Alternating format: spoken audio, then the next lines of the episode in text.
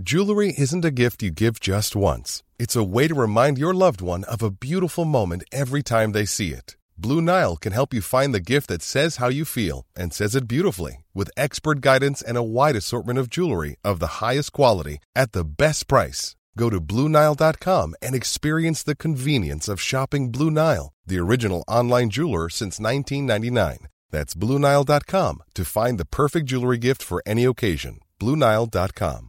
I'm Sandra, and I'm just the professional your small business was looking for. But you didn't hire me because you didn't use LinkedIn jobs. LinkedIn has professionals you can't find anywhere else, including those who aren't actively looking for a new job but might be open to the perfect role, like me. In a given month, over 70% of LinkedIn users don't visit other leading job sites. So if you're not looking on LinkedIn, you'll miss out on great candidates like Sandra. Start hiring professionals like a professional. Post your free job on linkedin.com/achieve slash achieve today. Siden jeg var barn, så har jeg jo fået nogle tanker eller nogle, nogle historier omkring, hvem jeg er, hvem jeg skal være, hvad der er muligt, hvad der ikke er muligt, hvad der er rigtigt, hvad der er forkert, hvad der er op, hvad der er ned. Den historie øh, bragte mig et sted, som gjorde, jeg knækkede.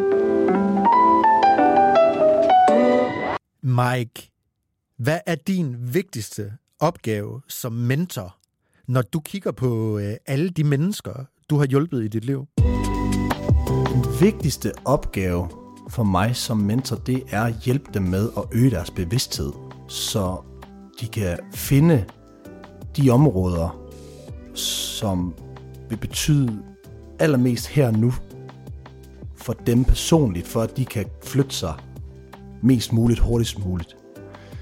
Så er den vigtigste opgave også at være der for dem, og hele tiden øh, være sammen med dem om det. Fordi vi er jo mange gange, vi er jo mennesker, og vi, vi har ikke altid nogen, vi kan være ærlige overfor, og, og specielt ikke være ærlige over for os selv. Og det er i ærligheden, vi finder en bevidsthedsforøgelse. Og det er i ærligheden og, og tilliden til et andet menneske, vi, vi tør åbne op. Jeg, når, når jeg arbejder med mennesker, så stiller jeg øh, rigtig mange spørgsmål, som godt kan være dybe. Det, det er det, der rykker mennesker. Det rykker mennesker at se på sig selv på et helt andet niveau.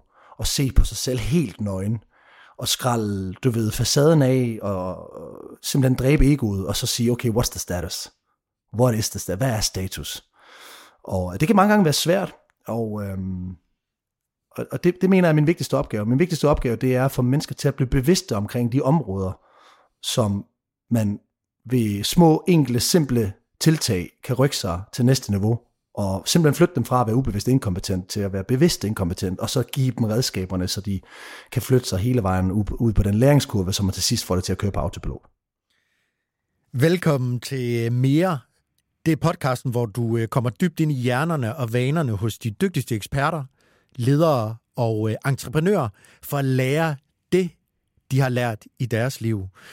Og jeg hedder Jonas Sølberg, og jeg er vært her, og normalt, Mike, så er det jo dig, der sidder ved siden af mig i Danmark, og øh, sidder over for mig. Måske øh, så får vi lige en high five, en fysisk high five, før vi går i gang med at øh, interviewe vores gæster. Men øh, jeg har altså valgt at øh, interviewe dig i to specials. Øhm, vi er i gang med anden episode i den her to episode special. Sidste, sidste uge, der interviewede jeg iværksætteren Mike Rador. Den her uge, så interviewer jeg mentoren Mike Rador. Og øhm, Mike, det er jo... Som du dog kan sige mit efternavn. Fedt. ja, det kan du godt lide at høre, eller hvad? Nej, det er mere bare, at jeg lyder som sådan en amerikaner. Mike Rador. ja. Men Mike, øh, det er jo lidt mærkeligt at sidde her øh, egentlig, fordi øh, normalt plejer du at være i studiet, som jeg sagde. Hvad, altså, prøv, lige at, øh, prøv lige at forklare, hvor du sidder henne nu. Det kan jeg godt. Jeg sidder, øhm, jeg sidder nede i øh, Sydspanien på Costa del Sol i øh, vores øh, lejlighed i øh, et enkelt lokale. Jeg har brygget til et øh, hjemmekontor, og det vil sige øh, nede tæt på Malaga, nærmere sagt øh, Benahavis La Quinta Marbella. Udenfor skinner solen, og der er nogle palmer, og øh, ja, foran mig sidder du på en, øh, på en video, hvor jeg kan se dig. Og hvis du lige skal have en vejrudsigt herfra, så kan jeg sige, at øh, vi har øh, blæst og slud, og øh, ja, pisse kedeligt vejr. Men det skal ikke handle om vejret. Mike, jeg, jeg vil jo præsentere mig selv som journalisten øh, i den her podcast. Jeg er historiefortæller. Jeg har øh, ret høj ekspertise i brands, og så er jeg din partner i mere. Og øh, det var ligesom min idé at sige, al den erfaring, du har som iværksætter, Mike, og som mentor, det vil jeg gerne have ud. Det vil jeg gerne give til vores lyttere, fordi du er også en ekspert, du er også en leder, du er founder, du er CEO. Det skal vi have ud i den her podcast, så det er det, vi gør nu. Og øh, i sidste episode, der prøvede jeg jo at øh, få dig selv til at beskrive dig. Og der kom sådan en ret fin fortælling om en gut fra Odense, og en, en opbyggelig fortælling, så jeg tænkte, den her episode, der vil jeg gerne præsentere dig. Er det okay? okay. Ja, ja. okay. Okay, her kommer den. Så skal I forestille jer, der kommer sådan en rigtig opbyggelig musik henover. Press play. Og øh, så kommer her min speakerstemme. Hvis der fandtes en iværksætter superheltfigur i Danmark, ville det være Mike Rador. Født og opvokset i Odense-bydelen Jalse opdagede han hurtigt, at han ikke kunne sidde stille i skolen, men måtte sætte ild til ting. Altså ikke på pyroman-måden, men på igangsættermåden. I dag er hans tre superkræfter at være lasermålrettet, konstant handlende og mere motiverende end nogen anden, jeg nogensinde har mødt. Mike Rador er en mentor og en iværksætter af den nye skole, hvor et holistisk billede af verden, hvor det at være emotionelt intelligent og have en relation til andre, betyder mere, end hvad du får. Mike Grador, mine damer og herrer. wow. Ja. Det var, det var altså lige mit forsøg på at lave en introduktion af dig. Mike, spøj, spøj til side. Der var nogle sandheder i det her om, hvor du kom fra og så videre, men kort og godt, så er du jo øh, founder, du er CEO, du er serieværksætter, og øh, vi har ligesom diskuteret dit iværksætter og startup-liv igennem.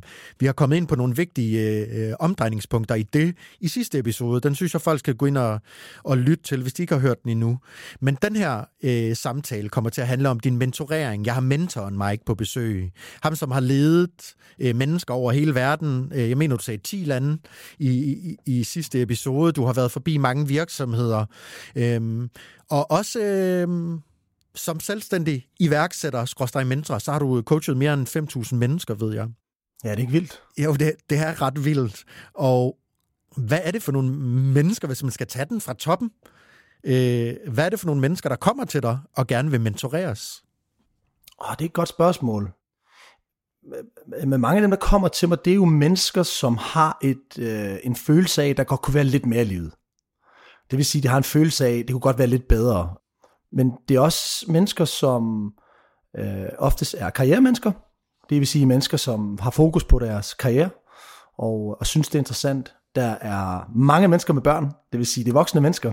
Og øh, så er det nu også øh, blevet til unge mennesker, fordi jeg har to forløb. Jeg har et til 18 til 24 og et fra 24 plus så er det mennesker, som har en, en bare en lille interesse i at gå lidt på øh, opdagelse i sig selv og i sit liv og i sine omstændigheder og i sine vaner, i sine rutiner og i sit tankesæt.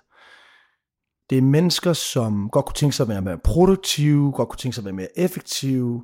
Det er mennesker, som godt kunne tænke sig at have en bedre relation over for andre og sig selv. Det er mennesker, som godt kunne tænke sig at få øh, måske lidt mere fart på sin økonomi. Altså hovedsageligt set, så er det jo mennesker, som godt kunne tænke sig at være sundere, gladere og mere, have mere frihed. Så er det mennesker, som øh, har mødt udfordringer, som de ikke har kunne løse helt selv, og derfor har de søgt ud efter nogle redskaber. Og generelt set er det bare søde og rare mennesker, helt almindelige mennesker, som, jeg kalder mig selv for almindelige, helt almindelige mennesker, som med en ekstra redskabskasse kan få sat fod på nogle øh, ting, som er vigtige for dem i deres liv, og på kortest tid muligt øh, skabe noget værdi i den indsats, de ligger. Sidste øh, samtale, Mike, i sidste episode, der snakkede vi om iværksætteri, iværksætter mindset. Og øh, vi kom dybt ned i din egen personlige historie. Vi kom ned i, hvad du havde lært. Og jeg synes, når vi snakker om mentoren Mike Rador, så vil jeg rigtig gerne dykke ned i, øh, ja, måske også din hjerne lidt, Mike.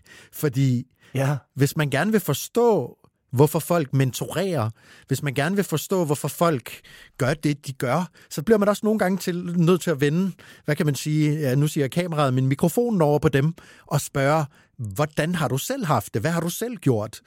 Øhm, så jeg vil sådan ligesom sætte dig lidt i spotlight her. Øh, det har vi så ikke forberedt.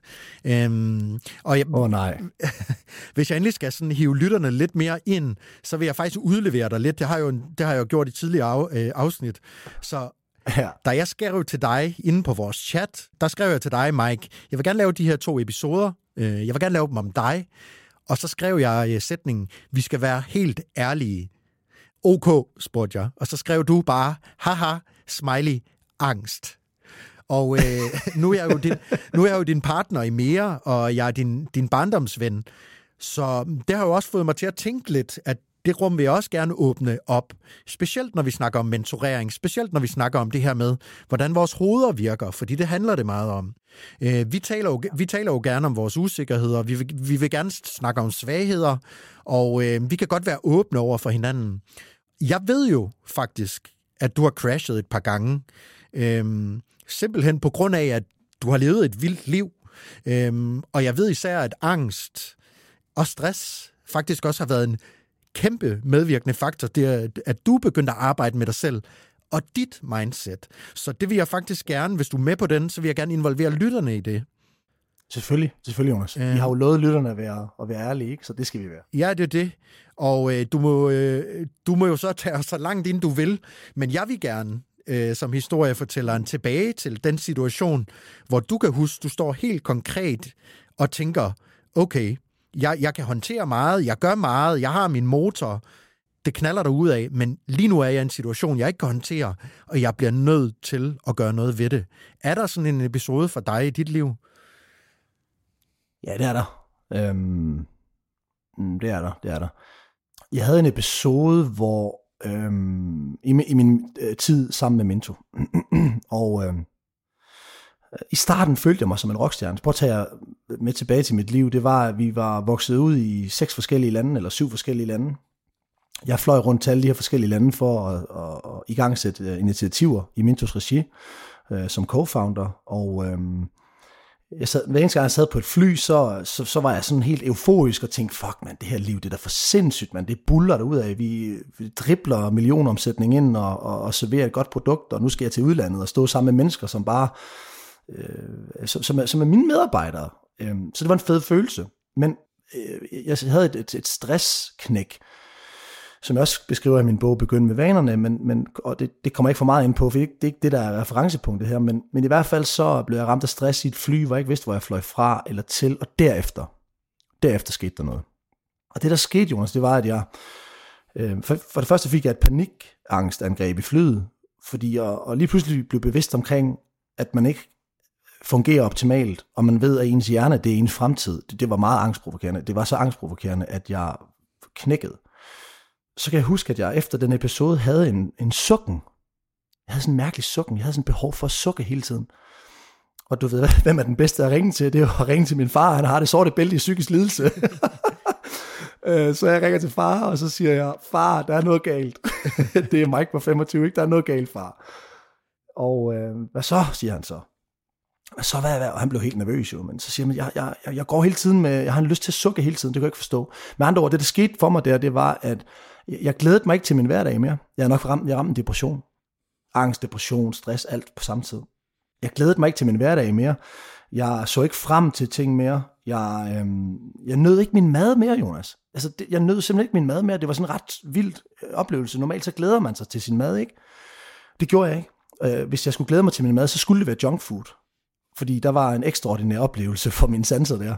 Men ellers ikke. Jeg kunne ikke tage mig sammen til at træne mere. Jeg øh, var super uinspireret. Og ja, og det gik jeg med lang tid. Og tænkte, det kommer nok. Det kommer nok. En klassiker, det kommer nok. Men det blev bare værre, værre, værre, værre, værre. Og øhm, der husker jeg helt specifikt, at jeg var på det tidspunkt bor jeg i Stockholm, og der fløj jeg hjem til Danmark. Og i flyet tog jeg en beslutning om, fordi at, for at forestille dig at gå fra at være det her entusiastiske, euforiske menneske i et fly, som glæder sig til næste land, til at bare sidde i et fly og tænke, hvad fanden sker der i mit liv? Og du ved, når man sidder på et fly, dengang var der ikke wifi, så havde du ret, rigtig god tid til at, at reflektere over dit liv. Mm. Så jeg tager en beslutning om at søge, søge til psykolog. Og jeg søger til en psykolog, som har et speciale inden for metakognitiv psykologi. Og så der starter min, min, min sådan rigtig grove selvopdagelse. Der skulle jeg sådan sagt på, sagt på groft dans, der skulle jeg simpelthen sutte mig selv op for slap. Altså, jeg var, jeg var, jeg var færdig. Og, og, og det var, det var der mi, det var, det var nok, det var det, det, det første virkelig hårde slag i mit ansigte som ung voksen. Og hvad betød det? Hvad betød den her øh, situation for dig? Altså, hvad, hvordan handlede du dig ud af den? Hvordan kom du ud af det her? Og øh, ja, man kan jo sige, det store spørgsmål, det bliver meget bredt, men nu sidder du jo her i dag, og du har skabt så mange ting siden. Øh, hvad, har du, hvad har du gjort siden? For det første, så bare det der med at søge om hjælp. Det der, det, der, det, der, det, det er et kæmpe skridt. Altså, der er to ting, vi mennesker vi er så dårlige til, og det har jeg også erfaret med alle, alle de mennesker, jeg har arbejdet med. Det, der er to ord, vi virkelig ikke kan få ud af vores mund, ofte nok.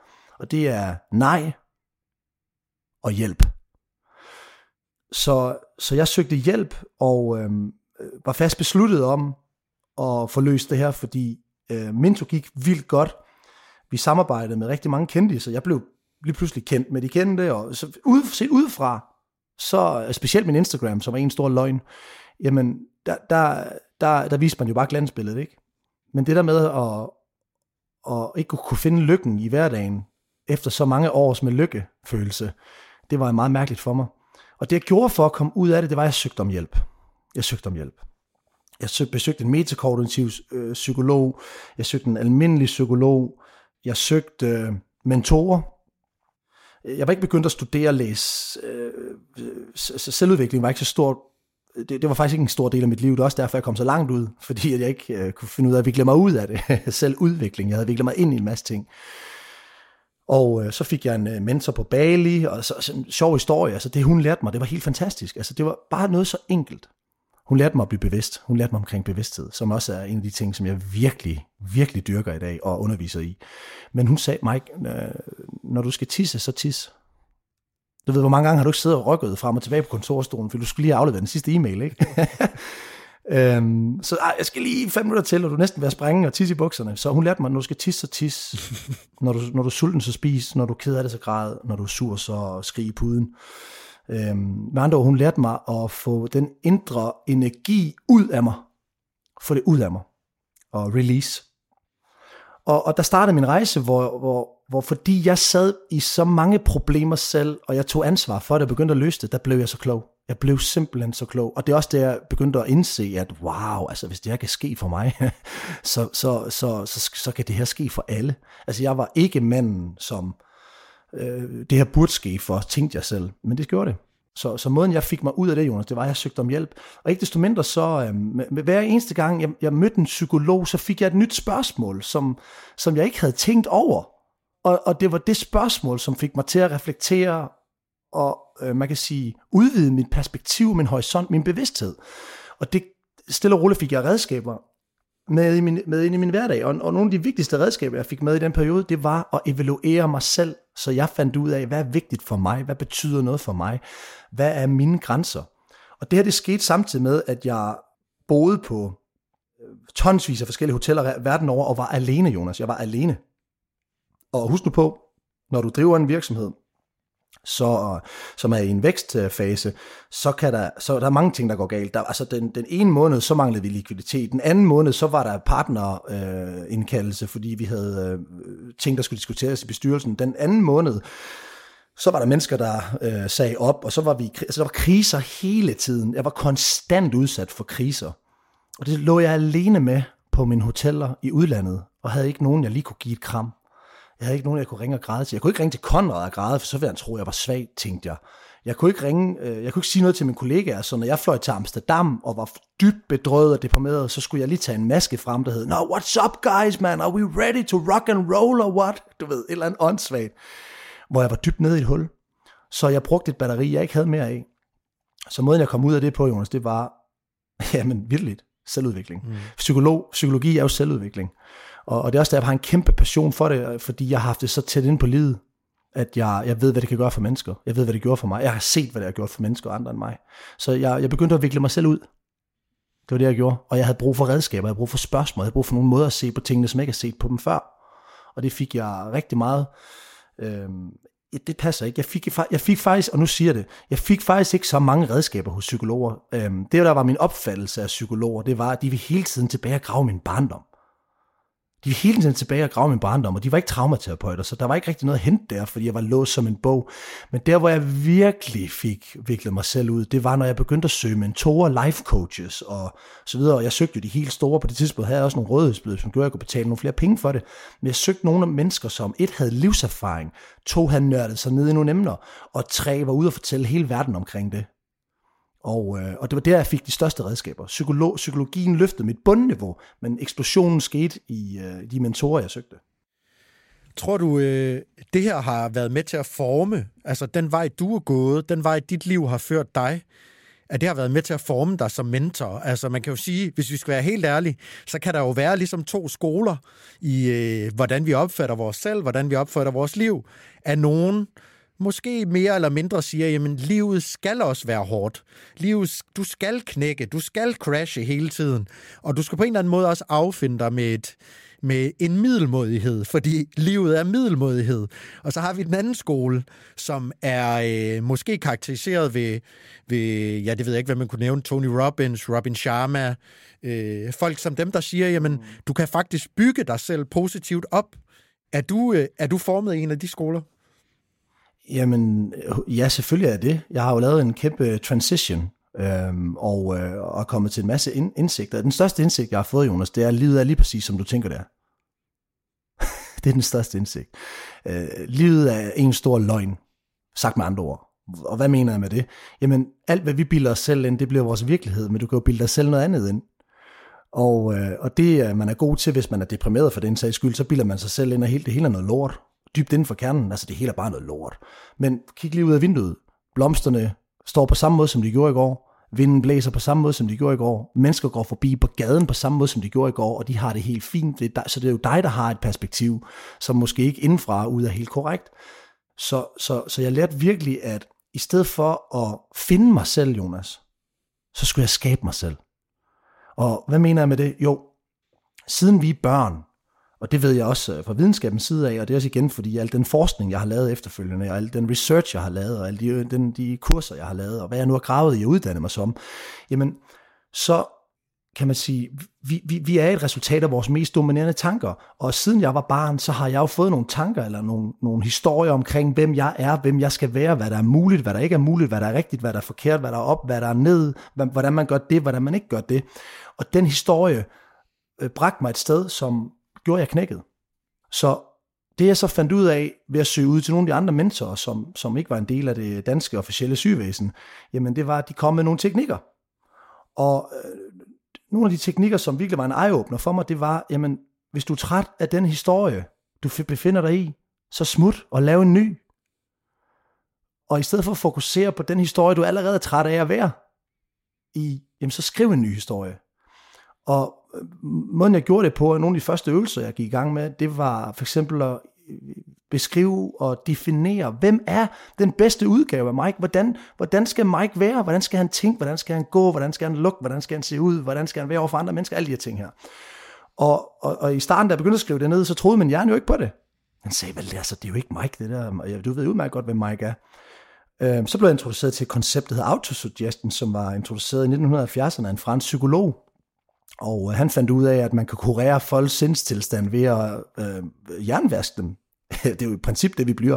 Du bliver jo jernvasket fra du barn til du, altså fra, fra mellem du er 0 og 6 år gammel, så har du ikke noget bevidsthedsfilter, så er du bare i en stor hypnosetilstand, hvor du lærer en helvedes masse ting, det vil sige, du kommer til verden, og så gør du det, de alle andre gør, som er omkring dig. Du får deres holdninger osv. Du, du skaber dit selvbillede, dit paradigme der. Og det han lærte mig, det var, at jamen, hvis jeg gentager nogle ting over for mig selv nok og ofte, med følelser nok i det, så, så bliver det lige pludselig til en realitet, og det stemmer, det stemmer, fordi din hjerne kender ikke forskellen på virkelighed og fantasi, hvis der er en tanke og følelse indblandet. Så hver eneste gang jeg sad og skrev ned, hvordan den her version af mig kan var, så, så, så, så var det sådan en tenniskamp øh, inde i hjernen for mig, hvor, hvor den sagde, øh, bum, over på den anden banehalvdel, det er jo ikke dig, og så den anden, jo, det skal være mig, ej, det er jo ikke dig, jo, det skal være mig. Men jeg fortsatte, og jeg var intensiv i det. Så jeg begyndte at læse op højt for mig selv, hver morgen og hver aften, hvem som person jeg var. Og inden jeg nåede at se mig om, men der gik et par måneder, og jeg, jeg, jeg dykkede det intensivt, så begyndte den indre dialog, jeg havde med mig selv. For husk nu på, at i løbet af en dag, så har du en dialog enten med et andet menneske, eller så har du en dialog med dig selv. Og det er den dialog, du har med dig selv, that's what you gotta look at. Og lige pludselig begyndte min dialog at ændre sig. Nu begyndte jeg faktisk at være den person, jeg havde defineret på et stykke papir, fordi at min underbevidsthed, den havde et den råt. For nu var den blevet tvunget ned i den. Så måde, jeg havde gjort ting på før, gjorde jeg ud fra et andet perspektiv. Og når jeg gjorde ting ud fra et andet perspektiv, så begyndte, der, så begyndte jeg at få nye oplevelser. Og når jeg begyndte at få nye oplevelser, så begyndte jeg at få nye følelser. Og når jeg fik nye følelser, så fik jeg nye tanker. Og nu begyndte de gamle tanker, de gamle følelser, den gamle verdensbillede, den gamle måde at se på mig på, forsvandt. Så der er noget magisk i, når vi går ud og siger, jeg er den type som. Who the fuck told you that? Du ved, man møder mennesker. Jamen, jeg er jo den type, som har rodet på mit skrivebord. Who the fuck told you that? Det er, jo, det er jo, du siger det selv. Og så er der et andet menneske, som siger, jeg er jo den type, som skal helst skal, gøre, helst skal tørre køkkenbordet to gange, før det er helt rent. Who the fuck told you that? Og igen, vi har jo alle sammen en masse historier om, hvem vi er, men i sidste ende, så er vi bare resten af pure opspind, som oftest ikke er fra dig selv. Så det jeg virkelig fandt ud af, Jonas, det var, i stedet for at finde mig selv, skal jeg skabe mig selv. Og øh, det har jeg virkelig gjort. Så jeg har skabt mig selv, og jeg har sat mig ned og og, og brugt en pokkers masse mentale øvelser. Og øh, jeg har søgt til de helt store coaches, og jeg har betalt dyre domme for det, men, men det, har, det har revolutioneret mit liv. Så det du faktisk også øh, siger her, det er, at selvom at hjernen eller hovedet er et meget komplekst størrelse, selvom vores mindset bliver påvirket fra vi er ret unge, så er der faktisk så er der nogle simple værktøjer, som vi kan lirke os selv op med, vi kan udvikle os selv øh, med? Jamen det er der jo, fordi vi, vi, vi er og gør det, vi tror, vi er og bør, og bør gøre. Okay, så, så, så, så det er det, der er. Men, men hvis jeg sætter mig ned, lad os antage, at jeg øh, mangler noget selvtid, jeg mangler noget selvværd, jeg mangler noget X, jeg mangler noget Y, jeg har en indre dialog, som tynger mig en lille smule.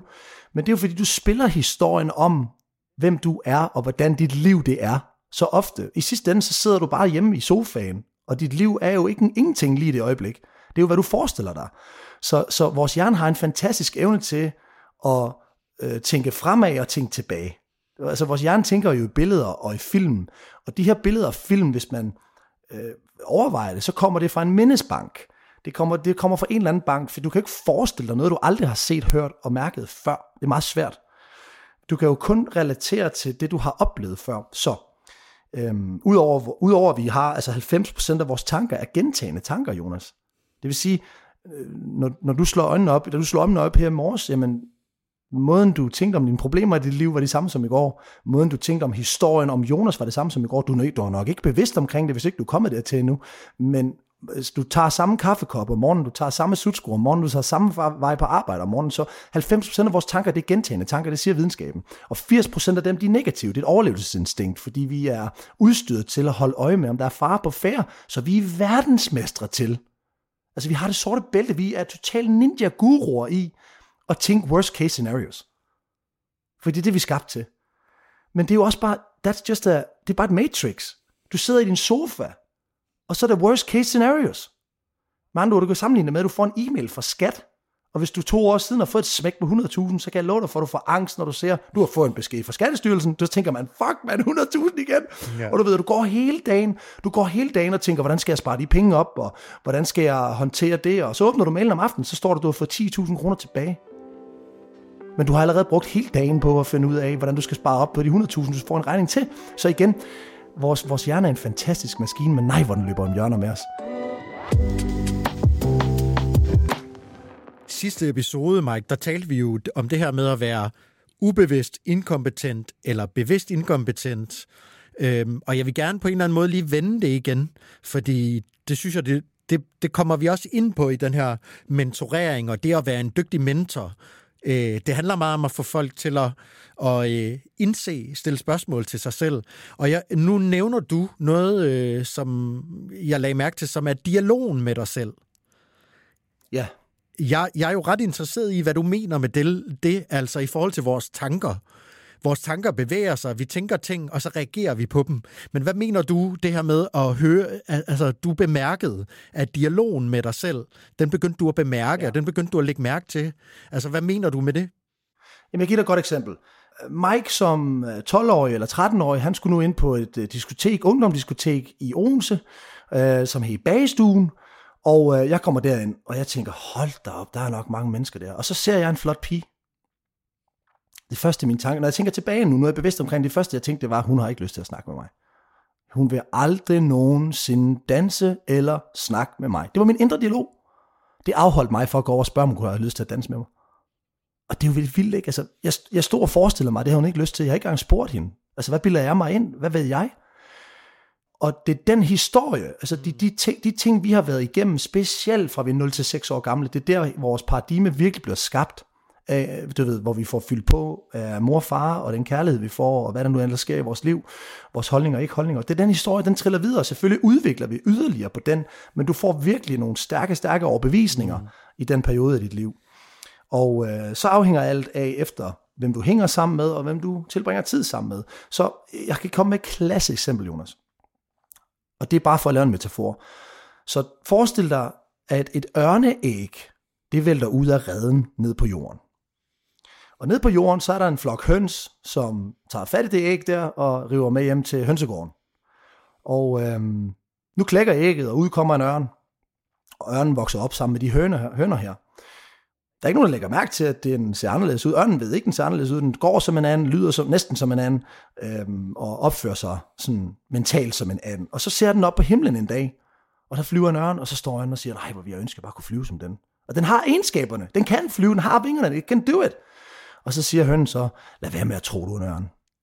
Og den kommer aldrig til at flyve. Okay, så det er det bedste eksempel med den indre dialog, fordi ørnen har hængt med en masse høns, jamen så er det sådan høns, de tænker. Ja, så... Og derfor så aktiverer den aldrig sine vinger, fordi I can't fly, I can't fly. Så er det nok at bare stå og gokke. Mike, øh, jeg fik lyst til at sige, bare lige som sådan en lille, lille, lille indspark, hvis man så også vil høre, hvordan mindset kan ændre sig lynhurtigt, så forestil jer Mike, 12 år, der kommer ind på diskoteket, sodavandsdiskoteket, kigger over på en dame og siger, hende der, hun vil ikke danse med mig. Jeg har så været i byen med Mike på øh, 20 år. Når han kom ind på en klub, så, sagde han, så kiggede han over på damen og tænkte, hende der, hun vil danse med mig. så det siger noget om, hvor hurtigt og omform, øh, omformbart jeres mindset er. det tog syv år. det tog syv år. Men for eksempel, du, snakker, du spurgte om det der med uh, ubevidst inkompetent, ikke? Mm. Og, og, og flytte sig dertil. Jeg, jeg kan prøve at få alle lytterne med på en lille test. Jeg kan komme med to udsagn, ikke? Så bare lad os prøve det. Så det jeg godt kunne tænke mig, det er, I, I derude, I lige prøver at rate jer selv, hvor 1 det er det laveste, og 10 det er det højeste. Alright? Og det er bare for, at vi kan komme på en bevidsthedsrejse. Så den første, det første udsagn, I skal prøve at rate jer selv, mens I sidder og lytter med her, jamen det er, Øh, det er inden for et område omkring klarhed. Okay? Så nu skal I forsøge at rate jer selv. Jeg føler mig klar over, hvem jeg er, mit formål og den retning, jeg ønsker at gå i livet. Rate dig selv fra 1 til 10. 1 det er mindst som dig, og 10 det er mest som dig. Jeg føler mig klar over, hvem jeg er, mit formål og den retning, jeg ønsker at gå i mit liv. Okay, godt. Lad os prøve at tage et andet område. Energi. Jeg har konsekvent mental og fysisk energi nok til at udmærke mig, nå min mål og føle mig motiveret og glad. Rate dig selv 1-10. Jeg har konsekvent mental og fysisk energi nok til at udmærke mig, nå min mål og føle mig motiveret og glad. Næste. Tag den sidste. Produktivitet. Jeg er konsekvent fokuseret og effektiv, god til at minimere distraktioner og opretholde mine vigtigste prioriteter. Rate dig selv fra 1 til 10. Godt. Og, så, og der kan man gå på opdagelse i så mange udsagn, og som er udviklet af diverse psykologer og mentaltrænere osv. Og, og der vil man kunne få et billede af, for eksempel i starten, mange af de spørgsmål, jeg fik af mine mentaltrænere, altså der ratede jeg mig selv vildt lavt. Jeg kunne slet ikke, jeg kunne slet ikke øh, forholde mig til det udsagn. Og der indså jeg, det var først der, at jeg rykkede mig fra at være ubevidst inkompetent til at være bevidst inkompetent. Jeg fandt ud af, shit man, kan man virkelig være mere produktiv? Og det er den rejse, som jeg hjælper mennesker med. Det er at grave ned i områder, hvor de måske allerede tror, eller ikke engang ved, at der er et spørgsmål eller et udsagn. Ikke engang ved, at der er et område, hvor man går på en selvopdagelse, og så kan man så finde ud af, hvor er det skoen trykker hen. Er, er der nogle områder? Du har fire niveauer, ikke? Det er det, vi lærer os mennesker. Ubevidst inkompetent, det er, at du ikke ved, at du ikke ved det. Du kan sammenligne det med, at du aldrig har cyklet på en cykel før, og nu går du op på cyklen. Du aner ikke, du ikke ved, du ikke, du ikke ved det. Så vælter du. Bang! Nu rykker du til næste niveau. Nu ved du med garanti, du ikke ved, hvordan man cykler, for du er lige væltet. Hmm. Så rykker du dig til det, der hedder øh, bevidst kompetent. Så du går fra bevidst inkompetent til bevidst kompetent. Det kan du sammenligne med, at du kan køre på cyklen. Du kan ikke køre uden hænder endnu. Du kan godt køre på cyklen. Og derfra over til det sidste niveau, der er vi bliver ubevidst kompetente. Nu kan du køre uden hænder. Nu kan du snakke i telefon. Nu kan du kigge på fugle og en masse andre ting. Du kan, det er simpelthen kodet ind i din krop som et vanesystem. Og det er de fire niveauer, vi mennesker vi lærer i. Og den læringskurve, den er volatil style i vores ungdomsår. Men prøv at høre, buddy, Jonas. Jeg har tit tænkt over det. Altså sidste gang, jeg havde dansk grammatik, det var nok i 9. klasse, ikke? Så man kan jo sige, at jeg har et grammatikniveau, der svarer til en 9. klasse. Og, og, og, og sådan er der jo mange områder, hvor vi aldrig nogensinde har videreudviklet vores skills, vores emotionelle intelligens, vores følelsesregulering, vores produktivitet, vores effektivitet, vores selvbillede. Vores... Der er så mange områder. Der er nogle mennesker, de har aldrig rørt det. De ved simpelthen, at de ikke ved det.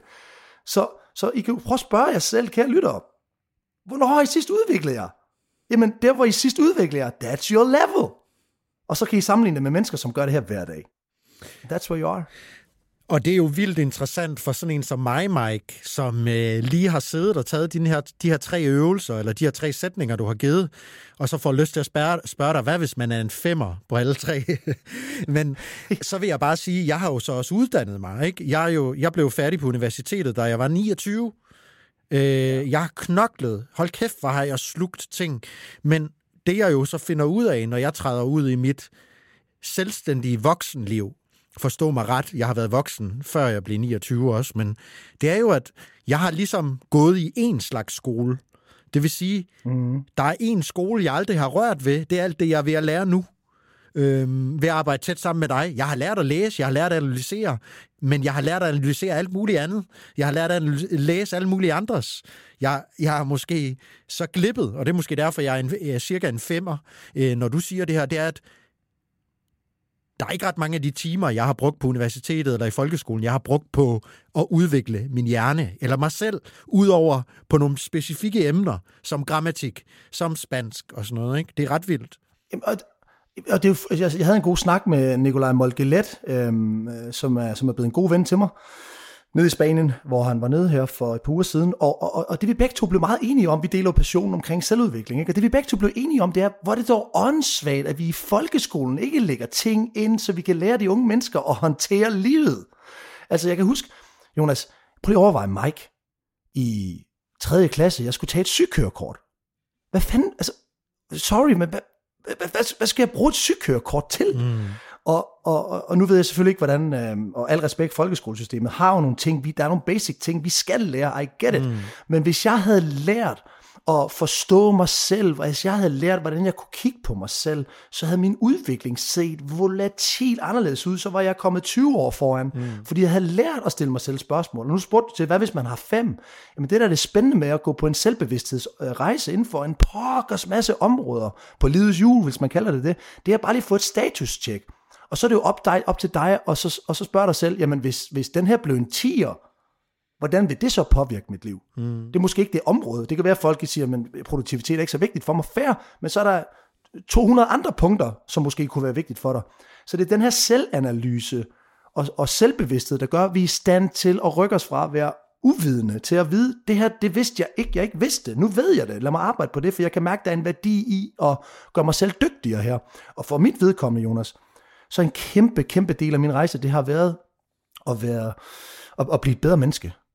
Øhm, og blive en bedre ven. Blive en bedre søn.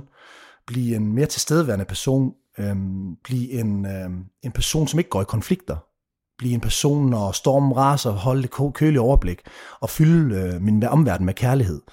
Og, og, og noget, jeg har rykket mig altså rigtig meget på, det er, øhm, i mit forhold, jeg elsker, mit, jeg elsker min kæreste og min kommende, kommende mor til mit barn, men wow, Jonas, der var en gang, da vi mødte hinanden for tre år siden, ikke, vi kunne stå og råbe og skrige af hinanden, ikke, og to store egoer, der bare stod og bunkes oven i hovedet. I dag, så siger jeg til dig, når der kommer en eller anden optakt til en irritation i et forhold, som er fuldstændig normalt, at man kan blive irriteret over, jeg bliver aldrig rigtig irriteret mere og jeg kan godt mærke, når mine følelser, de bare raser i mig.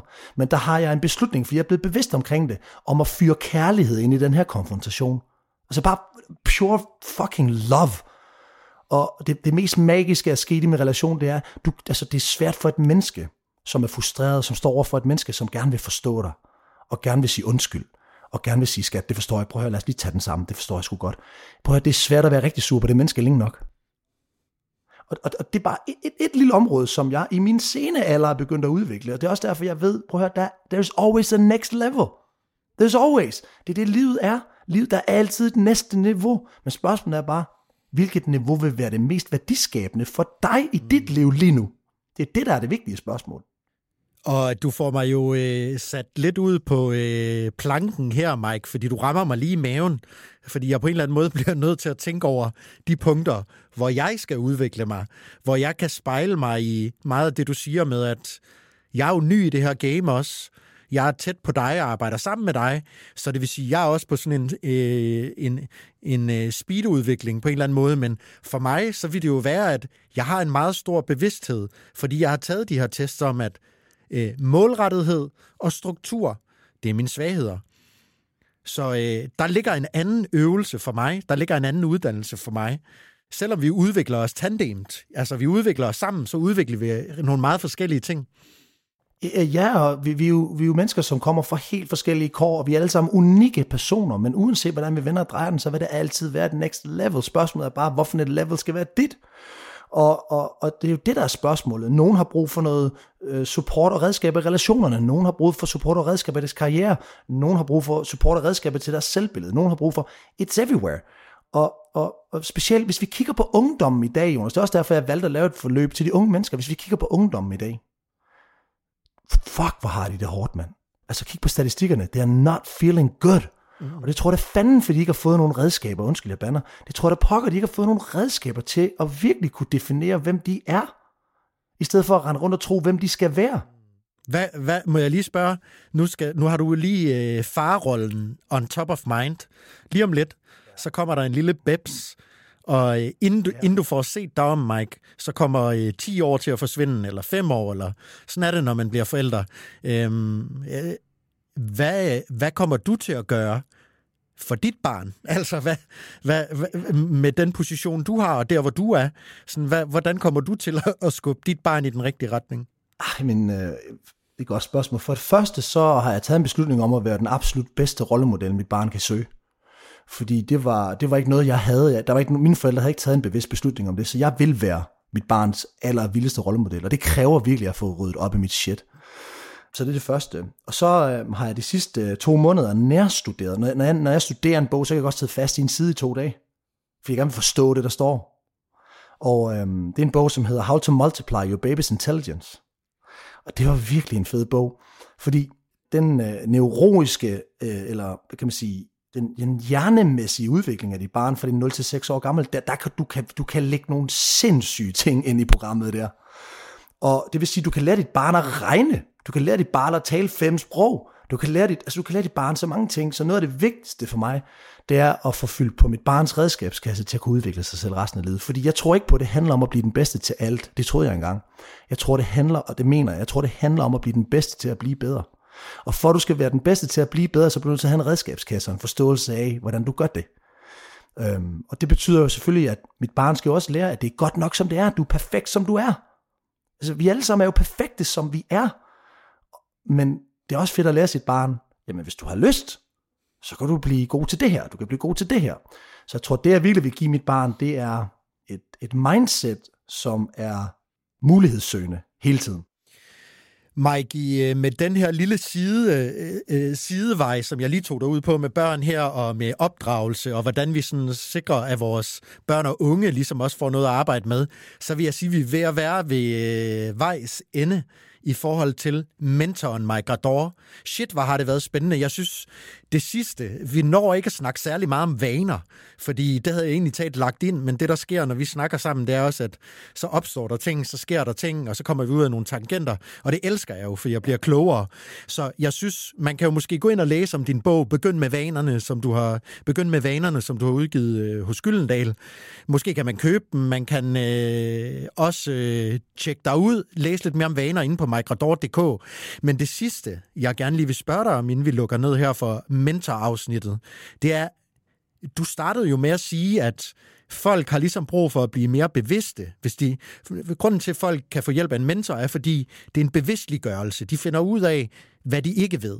Og de finder ud af, hvor meget de faktisk kan skrue på deres liv, på deres arbejde, på deres økonomi, på deres selvværd, eller hvad det er, fordi de begynder at stille de rigtige spørgsmål. Det har vi forstået nu, men det andet var, det var også den her støtte. Og der kom jeg jo bare til at tænke på, øh, når du holder, du har jo det her koncept, der hedder Mindset-klubben. Når man er medlem af mere, vi, der er jo 200 medlemmer i communityet mere, øh, 200 mennesker, som har signet op et år, øh, så får de alle de her videolektioner. Jeg øh, mener, der er cirka 12, 12 timers videolektioner, hvor du lærer fra dig nu, så man kan gå ind og følge. Faktisk ligesom en skole, øh, øh, en manual, hvor man kan tage dem i sit eget step. Men så er der også Mindset-klubben. Og vi har talt så meget om mindset. Vi har talt så meget om, om det her, så de her to gange om ugenligt, hvor du live-coacher folk og giver dem den her motivation til, til alle mere live om morgenen.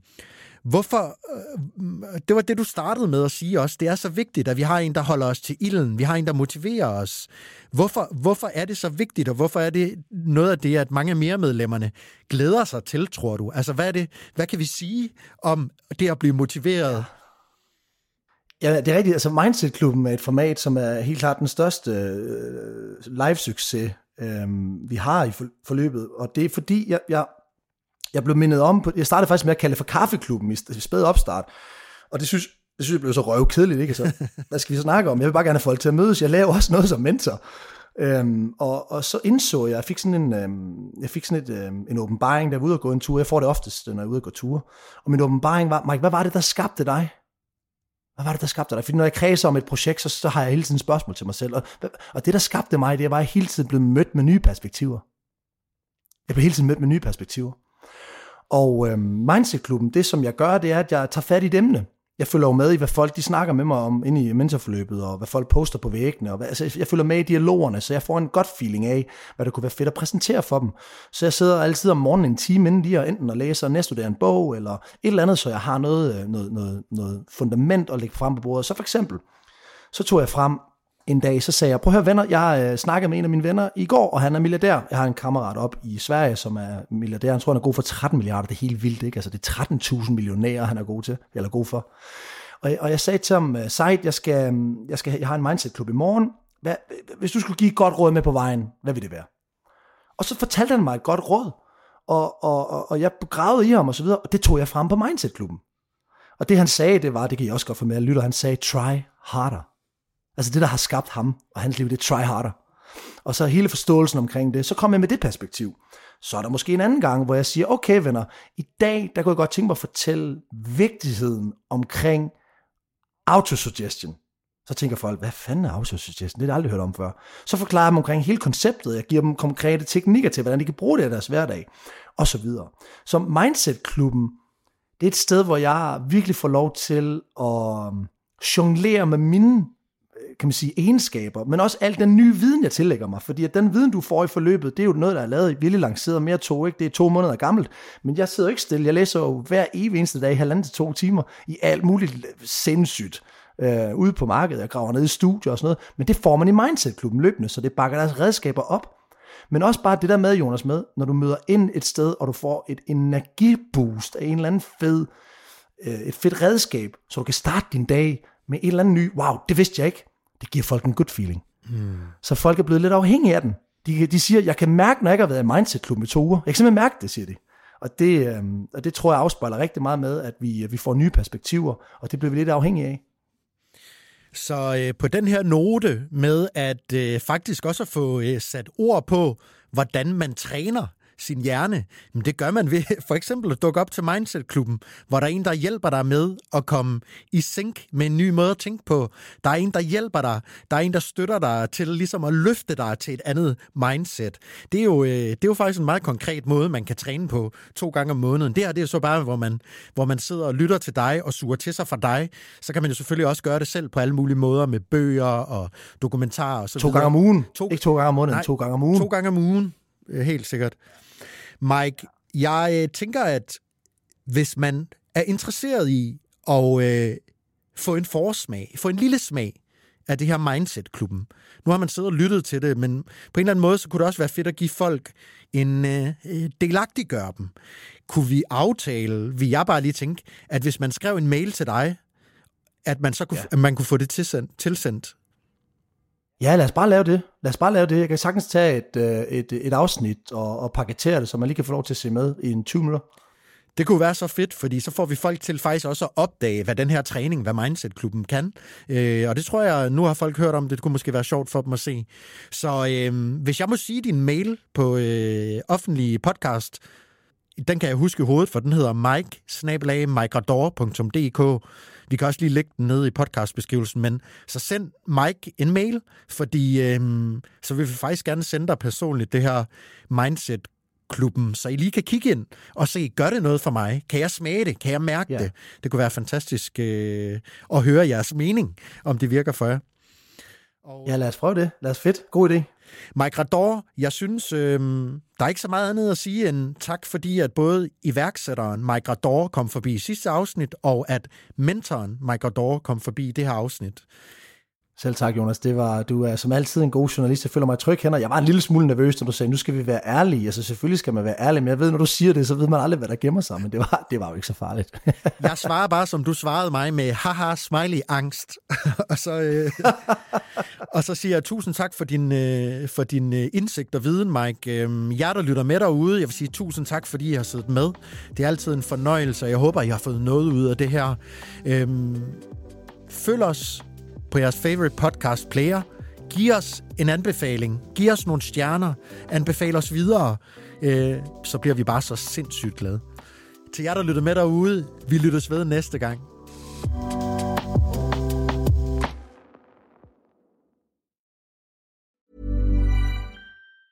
Ever catch yourself eating the same flavorless dinner three days in a row? Dreaming of something better? Well, HelloFresh is your guilt-free dream come true, baby. It's me, Kiki Palmer. Let's wake up those taste buds with hot, juicy pecan-crusted chicken or garlic butter shrimp scampi. Mm. Hello Fresh. Stop dreaming of all the delicious possibilities and dig in at HelloFresh.com. Let's get this dinner party started.